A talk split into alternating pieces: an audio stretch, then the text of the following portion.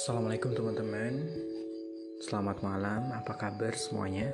Semoga dalam keadaan sehat walafiat ya Amin, amin, ya robbal alamin Nah, senang banget kembali lagi sama Edi di sini. Kita akan lanjutkan lagi untuk ngebacain buku lagi untuk teman-teman semuanya. Kali ini di episode yang ketiga, eh keempat maksudnya ya teman-teman. Nah, di episode yang keempat ini kita lanjutkan di kisah berikutnya dari buku Kamu Gak Sendiri. Perundungan membuatmu membenci dirimu sendiri. Aku sering merasa seperti pecundang, bahkan kadang masih terjadi hingga sekarang. Aku masih suka merasa tidak pantas, merasa malu, dan merasa tidak bersyukur atas diriku sendiri yang belum dapat memenuhi ekspektasi-ekspektasi pribadi. Seperti yang sudah aku sampaikan sekilas di atas teman-teman, masa laluku penuh dengan perundungan. Aku pernah begitu marah pada banyak orang yang merupakan proyeksi dari kemarahanku terhadap diriku sendiri. Karena itu aku mengutuk segala bentuk perundungan. Perundungan yang terjadi pada diriku dimulai ketika SD. Nah, salah satunya saat salah satu jagoan sekolah sering sekali mengejek dan memalakku. Waktu itu aku kan tidak berani melawan ya, jadi hanya bisa menangis dan melihat rendah diriku sendiri. Aduh. Sejak itu, perundungan demi perundungan terjadi dan aku menjadi tidak begitu nyaman berada di tengah-tengah teman lelaki. Memasuki SMP, masa ketika aku tidak memiliki banyak teman, aku duduk sebangku dengan teman perempuan yang lagi-lagi membuatku menjadi korban perundungan. Aku melewati hari-hari dengan panggilan acong. Aduh, berteman dengan laki dirundung, berteman dengan perempuan masih dirundung. Bagaimana untuk kita tidak merasa bingung? Nah, di lingkunganku saat itu tidak seperti sekarang. Lelaki yang menulis merupakan hal yang agak asing. Ya, lingkunganku saja mungkin yang kebetulan begitu.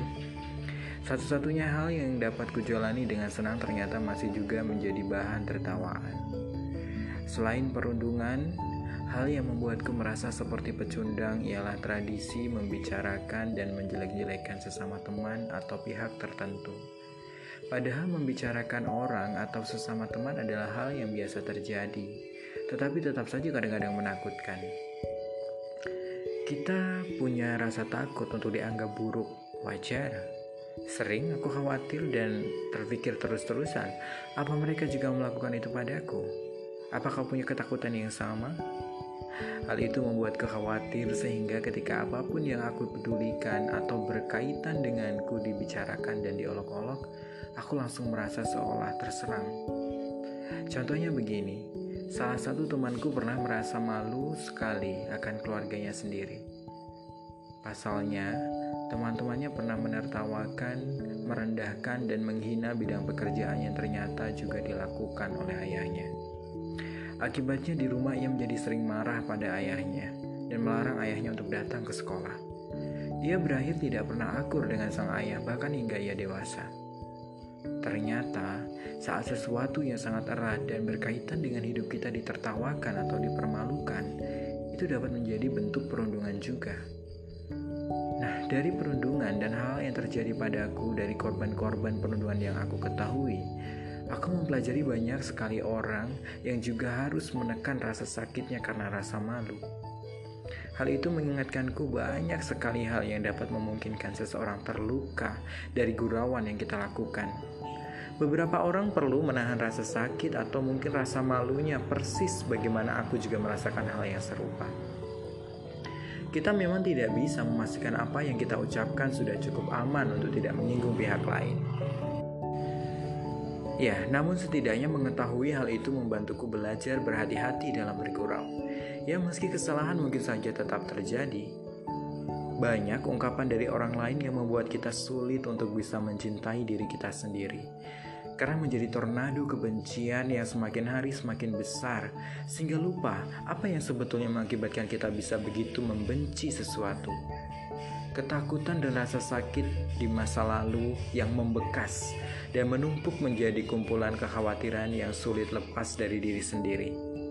Tapi satu hal, meski kita tidak ada niatan menyakiti seseorang, tapi ternyata seseorang terluka akan ucapan kita misalnya. Meminta maaf bukanlah hal yang memalukan sama sekali. Kita bisa menyelamatkan seseorang menuju luka yang menahun dengan kata maaf. Meski stimulus atau hal yang terjadi di luar diri kita sebenarnya bersifat netral dan tidak bisa terkontrol, setidaknya kita dapat mengontrol diri untuk meminimalisir melakukan hal yang dapat menyakiti pihak lain. Oke, teman-teman, itu untuk uh, episode yang keempat. Dari kisah dalam buku Kamu Gak Sendiri ini, kita bisa mengambil pelajaran teman-teman bahwasanya memang benar ya Pepatah yang mengatakan bahwa mulutmu harimaumu. Bahkan sekarang perkataanmu juga bisa menjadi harimau untukmu juga. Bisa melukai atau bahkan membahagiakan orang lain. Tergantung bagaimana kita bisa membawa diri dan juga menata setiap ucapan yang ingin kita lontarkan kepada orang lain. Mungkin menurut kita, teman-teman, hal itu adalah hal yang biasa, tetapi bagi orang lain mungkin itu sangat memalukan atau mungkin juga sangat menyakitkan. Apalagi sekarang ada fenomena baper, bawa perasaan. Ya, tentu saja sebagai manusia kita memiliki perasaan dan itu harus kita bawa ke mana pun teman-teman. Bahkan terkadang kita lupa kalau kita ini sedang berinteraksi dengan manusia sehingga kita bebas berucap tanpa berpikir, menganggap orang yang kita anggap ber, kita ajak bicara itu seseorang yang tidak berperasaan. Sehingga kita dengan bebas gitu teman-teman mengucapkan apa pun yang ingin kita ucapkan tanpa disaring. Ya, itu hal yang paling sering terjadi di lingkungan kita. Namun teman-teman seperti tadi disampaikan di chapter di paragraf terakhir bahwasanya kita bisa kok menyelamatkan orang itu dari uh, penderitaan menahun atau juga kekecewaan atau bahkan luka menahun dengan mengucapkan kata maaf. Tapi ingat ya teman-teman, kata maaf yang harus diucapkan itu haruslah kata maaf yang tulus.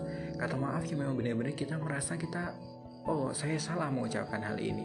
Oh, saya salah mengucapkan kalimat-kalimat tersebut Ya, walaupun terkadang teman-teman, apa yang kita ucapkan itu tentu saja tidak bisa ditarik atau dihapus begitu saja. Nah, setidaknya dengan kata maaf itu di, dia bisa mengurangi sedikit efek samping dari ucapan kita itu. Tentunya efek buruk ya teman-teman. Ya mungkin nanti dia tidak terlalu sakit hati. Ya syukur-syukur dia uh, bisa memaafkan kehilafan kita dalam berucap. Nah, itu teman-teman. Terkadang kita suka gengsi ya, teman-teman, untuk mengucapkan kata maaf, padahal itu hal yang sangat-sangat uh, krusial, sangat-sangat penting gitu ya, supaya kita itu tetap uh, menjadi pribadi yang humble dan juga pribadi yang memiliki relasi yang baik antar teman atau juga uh, atasan dan lain sebagainya.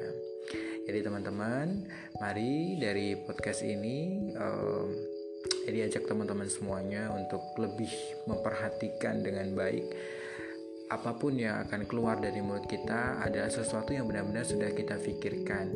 Jangan sampai kita terbalik ya teman-teman logikanya. Setelah berucap baru berpikir.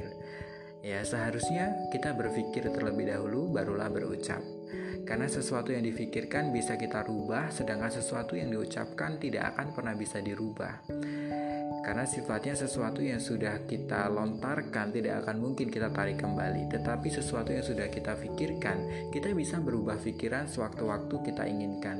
Tapi kalau ucapan tidak bisa kita ubah sewaktu-waktu kita inginkan.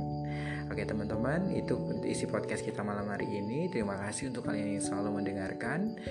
Kita lanjut lagi episode berikutnya di malam-malam berikutnya. Terima kasih, selamat beristirahat. Assalamualaikum